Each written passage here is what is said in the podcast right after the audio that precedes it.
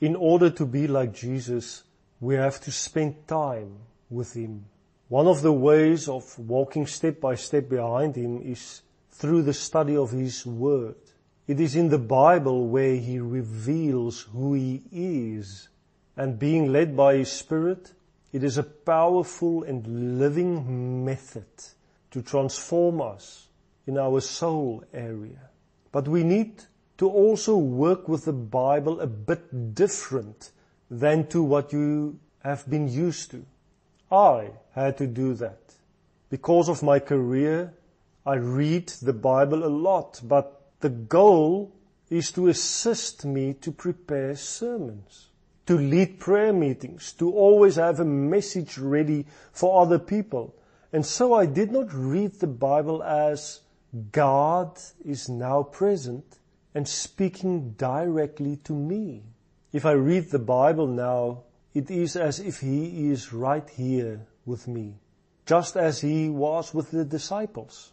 It is actually the same, and for that reason we need to have a different approach. When you read the Word, then you must understand that the Father is speaking to you, and it is the same also when you hear someone else read the word.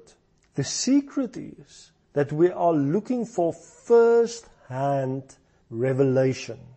When you read a book or listen to a sermon, it is as if it is second hand or even third hand revelation because the minister studied something or the author studied something to share with you but may also have accessed other resources of revelation.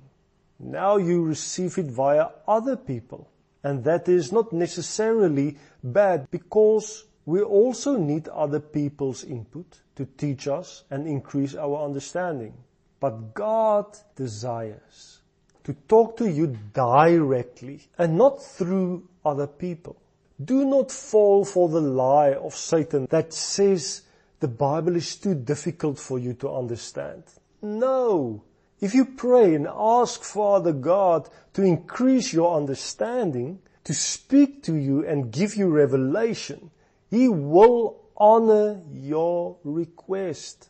Keep in mind that it is the same Jesus who spoke to His disciples who speaks to you when you read the Bible.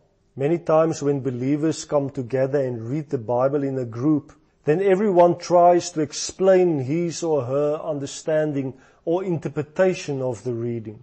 They share their opinions and discuss principles, and very soon there are a few doctrinal views also added to the discussion, and in a way all that pollute the whole exercise. The Word of God is a love letter, a letter of revelation about God to us. It is not a theology handbook. It should be read with your heart and not with your mind. It should be read guided by the Holy Spirit and not with your intellect.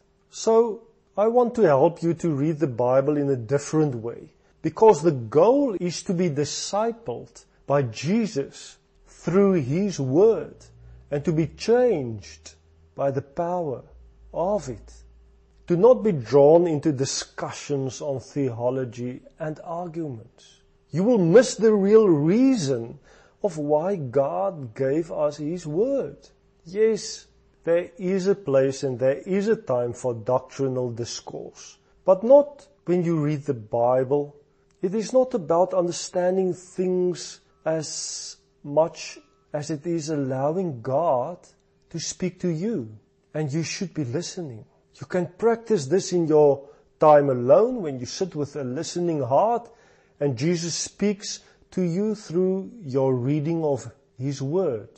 Apply this principle into the reading of the Word of God, whether you are in a group or on your own.